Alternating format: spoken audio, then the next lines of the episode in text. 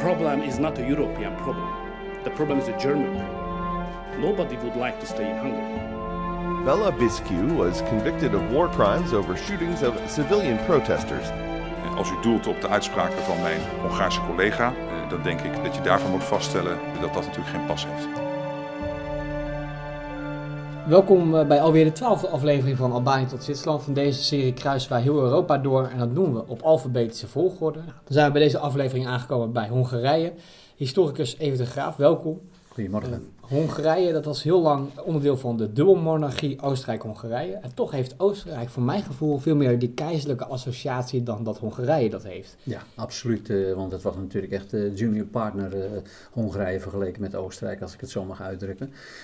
het is ontstaan in 1848. Dat is een revolutiejaar in Europa geweest. Dan zie je dat de burgers in opstand komen tegen sterke autoritaire vorsten. Uh, dat gebeurde ook in, uh, in Wenen. En dan zie je dat de bourgeoisie en de liberalen eigenlijk een einde wilden hebben aan die autoritaire bevoegdheden van de conservatieve vorst. En uh, dat heeft tot allerlei opstanden geleid. Niet in Nederland, moet ik eerlijk zeggen. Onze koning Willem II die werd van één nacht van conservatief tot een liberaal omgevormd. Maar in Hongarije en ook in Oostenrijk heeft dat tot best wel bloedige opstandjes geleid. In Hongarije had je een man, die heette Lajos Kossuth. En dat is echt de leider geweest van de liberalen die veranderingen wilden. En uh, die heeft toen mensen op de been weten te brengen, want ze voelden zich altijd ondergeschoven bij de Oostenrijkers. Tweederangsburgers in hun ogen. En ze wilden gewoon dat ze eigenlijk ook meer bevoegdheden kregen, het liefst zelfstandig zouden zijn. Een einde moest er komen aan die dubbelmonarchie die in 1848 opgericht werd onder leiding van de toen pas 18-jarige Frans Jozef de keizer Frans Jozef met die grote bakkenbaarden, die getrouwd was met keizerin Elisabeth, bijgenaamd Sissi. En uh, daar wilden ze dus vanaf. Nou, en ze kregen inderdaad de nodige aanhang en dat dreigde heel penibel te worden. En wat heeft toen keizer Frans Jozef gedaan? Eigen leger ingezet, was niet voldoende. En toen heeft hij nog het Russische leger te hulp geroepen. Met behulp van uh, Russische troepen is toen die opstand ook in Hongarije bloedig neergeslagen. En toen moest hij vluchten naar het buitenland, die uh, Kossuth. Maar hij had nog wel zijn aanhang ook in Hongarije. En dan zie je dat er opeens iets plaatsvindt in 1867. Dat heet dan de Ausgleich. Dat betekent bij ons eigenlijk omgezet gewoon, is een regeling getroffen, dat er een dubbelmonarchie moest komen met uh, nu echt ook de keizer op de troon in Wenen, maar hij was ook nog eens een keertje koning van Hongarije. En uh, wel kreeg Hongarije, moet ik eerlijk zeggen, een eigen rijksdag, een eigen parlement ook in Boedapest. Ze kregen een eigen regering, maar die mochten alleen maar binnenlandse zaken, dat soort dingen regelen. Uh, grote dingen als buitenlandse zaken, oorlog en financiën, dat was allemaal in handen natuurlijk van Oostenrijkse ministers in Wenen. Ja. Daar werden de echte beslissingen genomen en niet in Boedapest. En uh, wat dat betreft was het, ja, eigenlijk, denk een beetje onderbiedig gesproken, een samengeraapt zootje, mag ik eigenlijk niet zeggen natuurlijk, maar het zijn zoveel nationaliteiten geweest die in dat machtige Oostenrijkse, Hongaarse dubbelmonarchierijk werden gepropt, dat we niet weten. Oostenrijkers, Hongaren, Tsjechen, Roemenen, uh, Bulgaren, uh, Roma, Joden. Het houdt niet op routenen. Je kunt zo gek niet bedenken, al die stammen zaten binnen dat ene grote rijk van de dubbelmonarchie.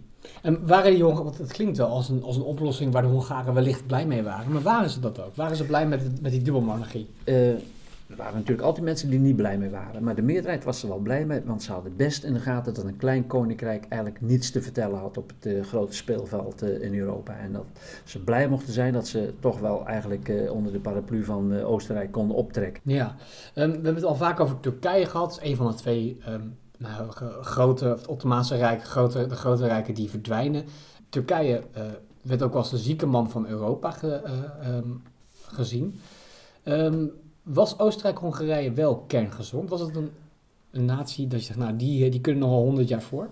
Uh, ik denk dat velen, als je echt toen interviews had gehouden, ook aan de vooravond van de Eerste Wereldoorlog, dat ze best wel gezegd zouden hebben, nou, dit is een staat die voorlopig nog uh, heel lang blijft bestaan. Dat denk ik wel. Als je goed Oostenrijk-Hongarije onder de loep neemt, dan zie je dat er toch ook uh, zoveel tegenstellingen waren. En wat ik net al zei, met al die minderheden die zich allemaal eigenlijk onderdrukt voelden en toch eigenlijk achtergeschoven, achtergesteld voelden bij de echte uh, Oostenrijkers en ook natuurlijk bij de echte Hongaren. Die keken op hun beurt ook neer op uh, Joden, op Roma's en op Roemenen en op Bulgaren en Tsjechen, wie ze ook allemaal tegenkwamen, Slowaak. En dan ook nog eens een keer speelde nog een rol dat onderling in het koninklijk gezin het ook niet helemaal rommelde. Het uh, lijkt altijd in, er zijn prachtige speelfilms gemaakt van uh, keizerin Sissi. En dan zie je prachtige tafereelen van al die machtige bals en concerten die er geweest zijn in Wenen.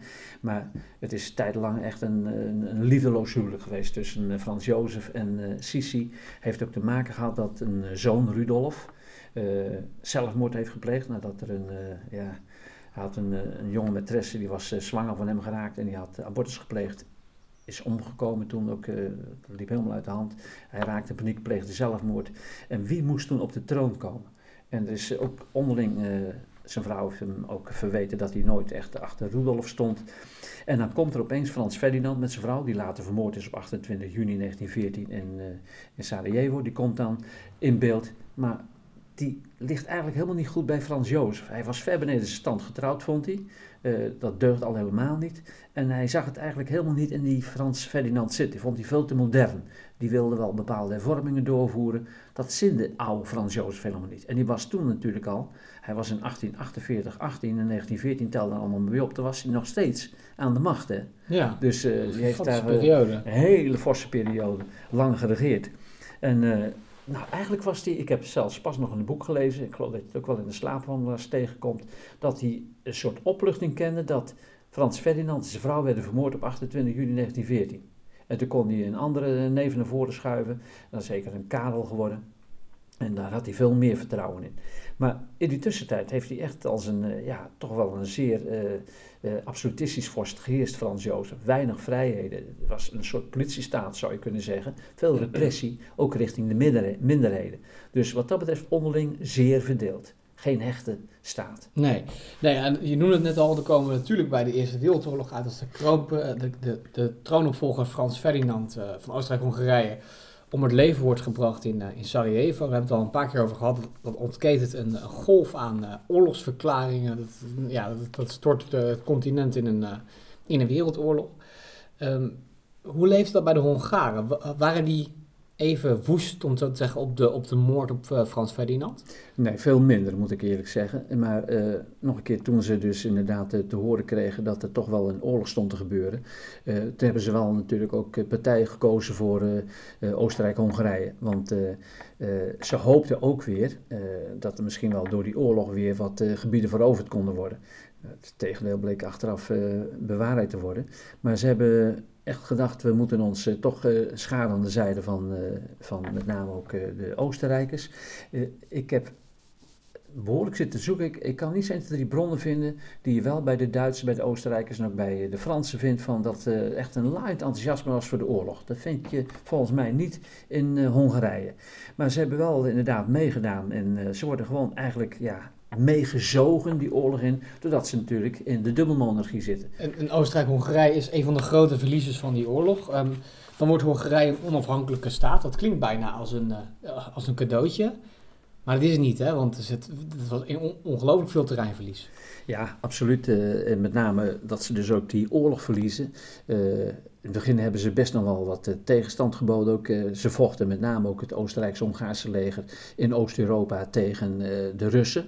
En de Russen die waren toch wel eerder onder de wapenen dan ze eigenlijk verwacht hadden. Ze verloren. En toen is die verschrikkelijke keiharde vrede en overvallen. Dat is het verdrag van Trianon geweest. Waarbij ze ontzettend veel ja, grondgebied hebben moeten prijsgeven.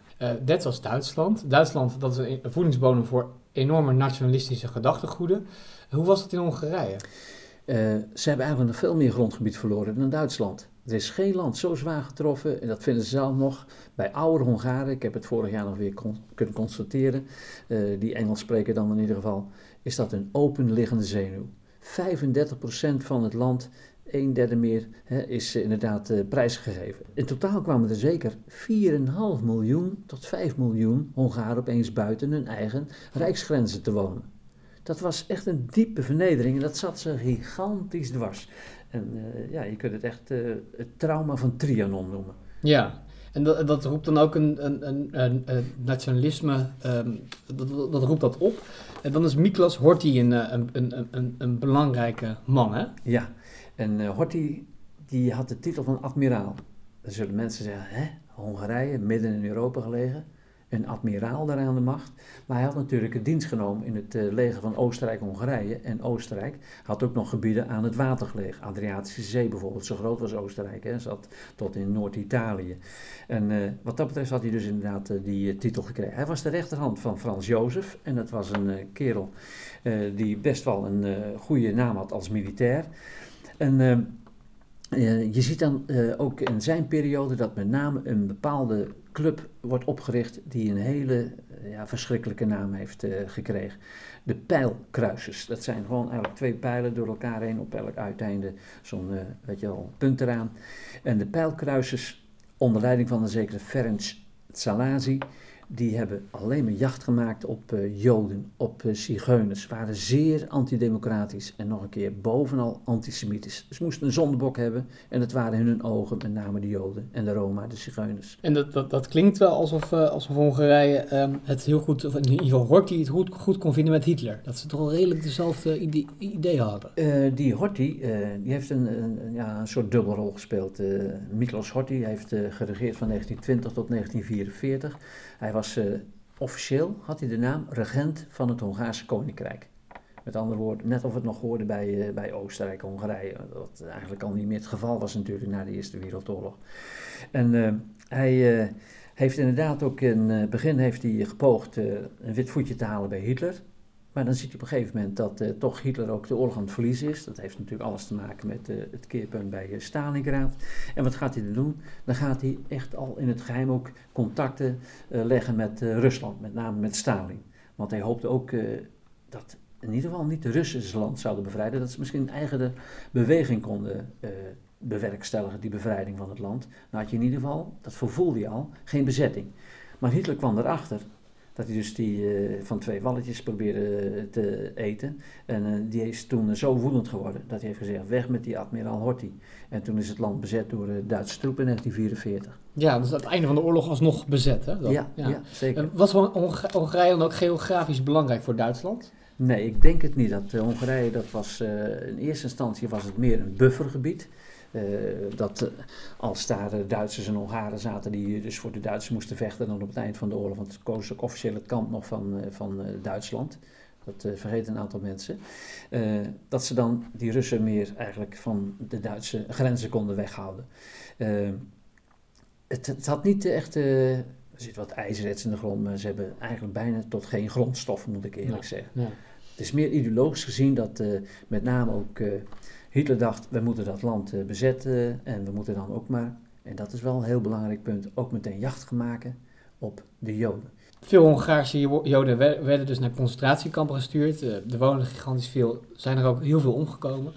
Maar het is wel een bijzonder verhaal, hè? dat van de Zweed Raoul Wallenberg. Ja. Um, kun je wat meer over hem vertellen? Ja, hij is uh, een Zweed van rijke afkomst, in 1912 geboren. hij kwam uit een bankiersfamilie en hij had echt veel geld. Je weet, Zweden was neutraal in de Tweede Wereldoorlog. Maar heeft op het eind van de oorlog heeft hij zich uh, ook aangediend in Hongarije. Hij hoorde dat er inderdaad plannen waren van de nazi's om daar die Joden allemaal massaal op te pakken en weg te voeren naar met name ook Auschwitz en Birkenau. En daar heeft hij van de Zweedse regering toestemming gekregen om met heel veel paspoorten naar Boedapest af te reizen. En toen heeft hij heel veel Joden, heeft hij eigenhandig, heeft hij ook een Zweeds paspoort gegeven hoe dit allemaal voor elkaar heeft gekregen. Er gaan ook geruchten dat er best wel smeergeld bij gebruikt is. En gelukkig had hij veel geld. Misschien heeft de Zweedse regering er ook wat van uh, betaald. Dat weet ik niet, moet ik eerlijk zeggen. Lijkt me het minste verwijt in deze. Ja, ja. zeker. En in ieder geval heeft daar eigenhandig, heeft hij ook met name in Boedapest, heeft hij Zweedse paspoorten uitgereikt. heeft ook gezorgd dat er wel zeker meer dan 30 woningen, grote woningen met grote tuinen enzovoort, kwamen ook in de stad. Waar eigenlijk de Joden dan een safe haven kregen. En dat werd toen nog niet zo genoemd, maar dat is dan tegenwoordig een term. Hè. Uh, hij heeft van alles voor ze gedaan. Hij heeft voor voedsel geregeld. Hij heeft inderdaad uh, voor medicijnen gezorgd. En hij heeft ook een, een SS'er, een zekere Schmidhuber, heeft hij onder druk gezet van... luister eens, als jij medewerking verleent aan het transport van Joden naar de vernietigingskampen... dan weet ik je te vinden, zorg ik dat er echt uh, mensen op je afkomen... en je zullen arresteren en dat je dan je gerechtvaardigde straf niet zult ontlopen. Die heeft het toen inderdaad uh, uh, een beetje soepeler aangepakt, maar die werd al gauw aan de kant geschoven door Eichmann. En Eichmann ging ongestoord zijn gang met de deportaties naar de, naar de kampen toe. Boeiend om te vertellen, hij was nog bezig met die reddingsacties, dat in januari 45 komen de Russen Hongarije binnen, bezet ook Boedapest. En dan opeens is hij met zijn chauffeur is die van het toneel verdwenen. Hoogstwaarschijnlijk, dat weten we nu pas na vele, vele, vele jaren, is hij gearresteerd. Men hoorde niks meer van hem. Hij was van de aardbodem verdwenen.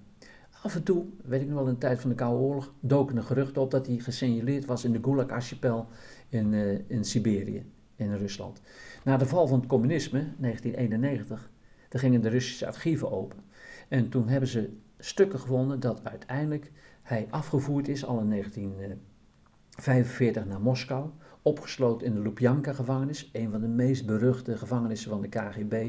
En dat hij daar in 1947, uh, eh, Russen zeggen nog in stukken dat hij dan aan een soort longontsteking, geloof ik, uh, aan een longontsteking overleden is. Maar er gaan openlijk geruchten dat hij gewoon uh, geëxecuteerd is. Um, na de oorlog wordt Hongarije, het is bevrijd door de Sovjet-Unie, ook een, een satellietstaat van de, van, van de Russen. Dat ging met harde hand. Hè. Intellectuelen worden in grote getalen naar de gulags gestuurd. Ja, is echt, de Gulag, hè? De Gulag. Ja, nou, ja. Zo... ja Gulag, dat betekent letterlijk uh, allerlei gevangenkampen die als eilandjes in Siberië verspreid liggen.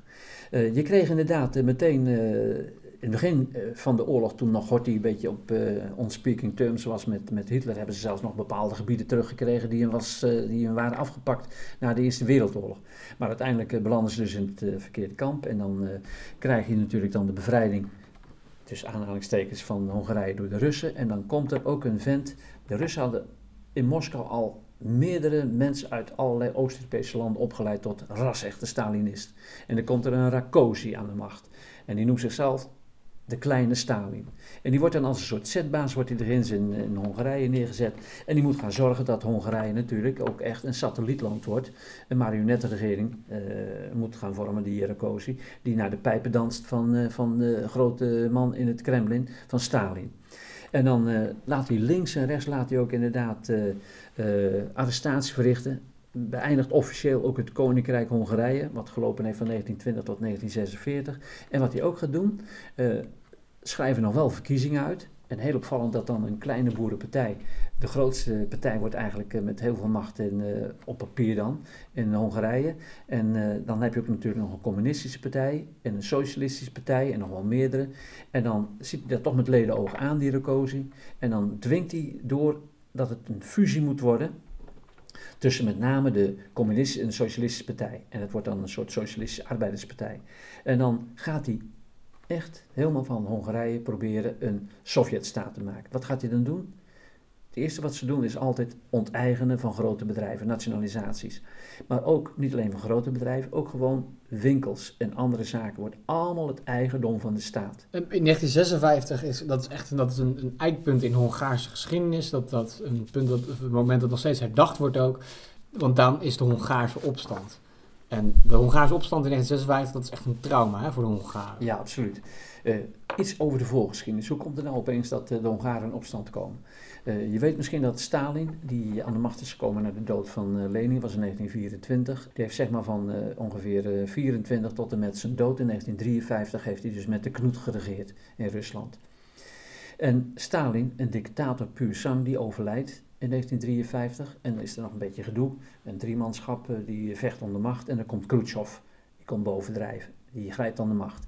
En wat doet Khrushchev? Die weet ook best dat de, de Russen geleden hebben onder met name vadertje Stalin.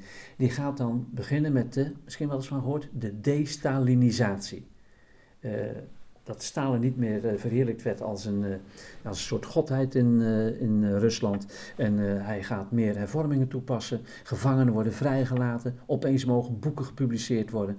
En dat leidt tot meer vrijheid in Rusland. Maar dat begint ook te rommelen in Hongarije. En met name weer onder de studenten. Die zijn inderdaad het meest manmoedig dan. En die gaan de straat op. En uh, die gaan protesteren tegen uh, echt die verschrikkelijke maatregelen van Rakosi, die er echt een politiestaat van had gemaakt. En die gaan een aantal eisen opstellen, de studenten. 16 eisen. Ik kan ze niet allemaal opnoemen, maar een paar van die eisen waren meer democratische hervormingen, vrije verkiezingen en zelfs uittreding uit het Warschau-pact, de tegenhanger van de NAVO. En wat gaan ze ook doen? Ze gaan overal in de stad gaan ze Russische vlaggen neerhalen, ook Hongaarse vlag. En de Hongaarse vlag meen dat hij drie kleuren heeft, uh, rood, wit, groen. En dan heb je dan een soort uh, of dat nou aren zijn, dat weet ik eigenlijk niet, maar middenin zit ook een, een aar en een uh, hamer. Een aar, symbool van de boerenstand, en een hamer is dan van de arbeiders. Dat werd eruit geknipt en met die vlaggen waar een gat in zat, liepen ze mee te wapperen, te demonstreren door de straten van Boedapest. Die opvolger van, uh, dat, uh, van Rakosi die was weg, die heeft toen, Gereu was dat eerst, de soldaten erop afgestuurd. Maar veel van de soldaten wilden niet op hun eigen mensen schieten. En wat deden de soldaten? Die gaven zelfs wapens weg aan de demonstrant, aan de student. En toen is er veel geschoten en op een gegeven moment leek het alsof ze inderdaad de strijd gewonnen hadden. En toen komt er een man, die wordt dan de nieuwe leider, dat wordt een zekere Imre Notje. Nagi schrijf je daarmee, spreekt het uit als Notje. En dat wordt dan de grote leider. En dat is een echte liberaal. Wel ook uh, zijn opvoeding gehad, uh, opleiding gehad in Moskou. Maar die wil duidelijk een andere koers varen dan Rakosi. En duidelijk andere koers dan uh, Stalin. En dan gaan ze echt dus die eisen gaan ze op papier zetten. En dat gaat de Russen te ver. En dan kom je weer bij Yalta. 1945, in februari daar. Daar waren de invloedssferen vastgelegd. En Hongarije viel in Russische invloedssfeer. En wat gaan de Russen doen? Die sturen dan opeens op 4 november, sturen ze ik weet niet hoeveel tanks naar Boedapest toe. En dan weten ze op een zeldzaam bloedige wijze, weten ze dus ook uh, de opstand uh, neer te slaan. Gevolg, ik heb het van een Hongaarse vriend, die is in uh, 1940 geboren, woont hier in Putten. In 1956 is hij ook gevlucht naar Nederland. Heb ik de juiste cijfers gekregen. In totaal zijn er toen 2652 Hongaren omgekomen, 720 Russen. 225 vluchtelingen zijn naar het Vrije Westen gevlucht, waarvan, dat heeft hij allemaal precies uitgezocht, 2849 naar Nederland, 2149 mannen en 700 vrouwen zijn in Nederland terechtgekomen, waar hij er één van is. En het gevolg was dat uh, ook uh, de leiders, Imre Notchi enzovoort, die werd aan de kant geschoven. Een militair, Palmeleter, en ook Imre Notchi werden toen gearresteerd. En er gingen jarenlang geruchten dat ze ergens in een gevangenis in Roemenië zaten. Maar ze zijn daar heel kort geweest. En ze zijn ook werkelijk, denk ik, doodgemarteld. Al heel kort na, uh, ik meen dat het 58 is geweest, in een Hongaarse gevangenis. En gewoon op een stille plek ter aarde besteld. Maar dat was dus het bloedige einde van een veelbelovende revolutie. Die in bloed gesmoord werd door uh, de Russen. Ja. En ze konden het doen omdat het Westen niet ingreep. Het Westen had trouwens ook de handen vol. En nog een keer, de westelijke geallieerden hadden het idee. Stalin mag dat doen in Oost-Europa wat hij wil. Dat is zijn invloedssfeer. West-Europa is voor ons. Hongarije Ja. valt binnen zijn invloedssfeer. Dus de Hongaren werden eh, aan hun lot overgelaten. Absoluut. Eh, toch, na die zware opstanden wordt Hongarije een wat, eh, wat losser communisme. Dus de- het heeft, de- hoe cru ook, het heeft wel invloed gehad. Ehm, en dat wordt dan ook wel het goulash-communisme genoemd. Waarom die naam? En dat is de naam die er onlosmakelijk mee verbonden is, is Janos Kadar. Ook weer zo'n man die zijn opleiding had genoten in Moskou. En eh, die wordt daar naartoe gestuurd als opvolger van Imre Notch. En Rakosi die kon niet meer terugkomen, die wilde ze niet hebben. Die heeft nog lang geleefd trouwens. Maar die Kadar heeft ook eh, een redelijke periode geleefd. Maar hij is machthebber geweest in Hongarije, rustig zeggen, van 1956 tot aan 1988. Toen was hij al oud en vlak voor de val van de muur en eh, het ijzergordijn is hij eigenlijk van het toneel verdwenen. Nou, die vent die wist dat er natuurlijk ontzettend veel eh, broeide onder het eh, Hongaarse volk. Hij wilde gewoon de bevolking voor zich zien te winnen. En wat ging hij toen doen? Toen dacht hij, ik moet daar eh, zorgen dat ik een andere politiek ga voeren als mijn voorgangers. Ook een andere politiek als in de USSR. En dan, heeft hij eigenlijk afgekeken van, van Lenin. Die heeft een periode gehad van 1921 tot 1924. De nieuwe economische politiek. Eigenlijk met allerlei kapitalistische trekjes nog. In de Sovjet-Unie toen. En dat gaat hij dan ook doen. Hij gaat een nieuwe economische politiek in Hongarije invoeren in 1962. En dat betekent niet alleen maar de nadruk op de zware industrie en de oorlogsindustrie, maar ook heel veel aandacht voor de consumptieindustrie. Ik moet ervoor zorgen dat er in de winkels wat te halen is, dat er wat te eten ligt. En verbluffend, dat wordt dan het koelers-communisme genoemd, dat er inderdaad ook eh, vlees op tafel kwam en dat er inderdaad ook eh, dat nationale gerecht eh, te pas en onpas genuttigd kon worden ook door de mensen. En het is zelfs zo belangrijk geweest dat ze mochten achter het ijzeren gordijn niet naar het Vrije Westen toe. Alleen als je sporter was en als een bepaalde familie er achterbleef, mocht er een enkeling wel eens een keertje naar het Vrije Westen toe. Maar in het Oostblok mochten ze nou, redelijk nog vrij reizen naar andere landen op vakantie. Heel veel mensen uit de DDR, uit Bulgarije, uit Roemenië trokken naar Hongarije om daar tijdens die korte vakantie, tussen aanhalingstekens, ook allerlei inkopen te doen eh, in die winkels in Hongarije. Daar konden ze producten kopen die ze in eigen land nooit konden aanschaffen. Oost, of eh, de Hongaarse staat die kreeg toen de bijnaam de vrolijkste barak in het communistische kamp.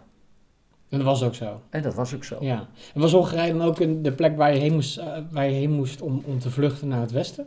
Ja, dat is dus eh, op het eind van de jaren tachtig, eh, dat heeft hij nog net meegemaakt, het staatje Janus Kodaar. Dan zie je al dat heel veel mensen in andere staten, in Polen en met name ook in de DDR, te lijden hadden onder het communisme. En Hongarije was een stuk makkelijker dan de andere landen. Wat gingen ze doen? Dan gingen ze op vakantie naar eh, Hongarije toe en dan gingen ze ook vaak al eh, in ambassades gingen ze dan eh, trekken in Boedapest. En met de hoop daar een uitreisvisum te krijgen naar het Vrije Westen. Later gingen ze naar de grens toe met Oostenrijk. Had je ook al bepaalde primitieve kampen. En werkelijk, het is eh, gebeurd dat daar ook al eh, Oost-Duitsers en andere vluchtelingen met grote schade het hekwerk wisten kapot te maken. Levensgevaarlijk vaak, want er liggen natuurlijk ook mijnen. Maar dat lieten de eh, Hongaarse agenten allemaal gewoon, en politieagenten en bewakers allemaal eigenlijk toe. En dat is eigenlijk het eerste gat geworden in het ijzeren gordijn. Ja. De vluchtweg via Hongarije naar het Vrije Westen. Ehm, eind jaren 80, een paar jaar nadat dat, dat, dat de, de scharen de hekken kapot knippen, dan valt het communisme definitief uit elkaar. Eh, we zien eigenlijk overal dat het heel moeilijk is om over te stappen, om die transitie te maken naar een, eh, een vlotlopende democratie. Eh, ging, hoe was dat in Hongarije?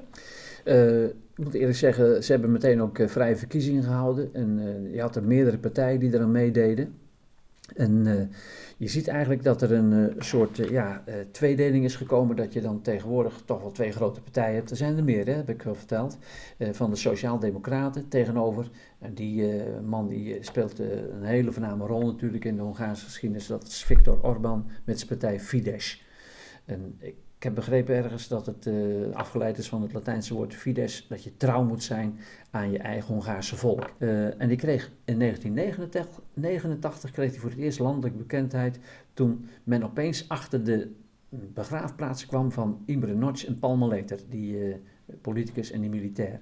En die werden toen herbegraven met ontzettend veel mensen op de been die er getuigen waren. En mocht hij al als jonge veelbelovende man een uh, toespraak houden bij die herbegrafenis van uh, met name ook Imre Nagy.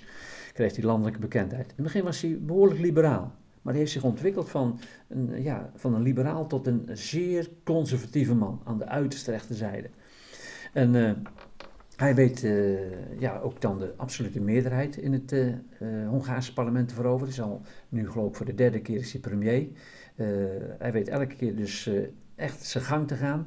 En hij heeft met name ook toen die Europese crisis toesloeg, die immigrantencrisis of die migrantencrisis, hoe je het noemen wilt, heeft hij laten zien dat hij een echte nationalist was, een hart en nieren. En dat de Balkanroute, dat was dan via Turkije, dat je dan ook nog via Hongarije naar het Vrije Westen kon, die moest afgesloten worden.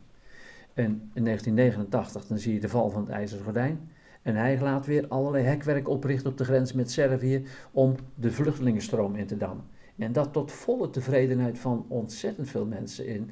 Niet iedereen hoor, er zijn ook felle tegenstanders van hem. Maar de meerderheid die juicht zijn plannen toe. Die vindt het prachtig wat hij doet om ja. al die buitenlanders tegen te houden. Hongarije is voor de, Hongara voor de Hongaren. En er moeten niet van die islamieten binnenkomen, want uh, wij zijn een protestantse natie, of veel katholieken zijn er ook nog. Maar in ieder geval een christelijk land en niet een islamitisch land. Dat spreekt de meeste mensen aan. Ja, en hij wordt ook al regelmatig op de vingers getikt door de EU, hè? bijvoorbeeld over die mediawet. Ja. Um, hier houden we bij. Bedankt voor deze uitleg over de Hongaarse geschiedenis in al zijn uh, facetten. Bedankt. Graag gedaan.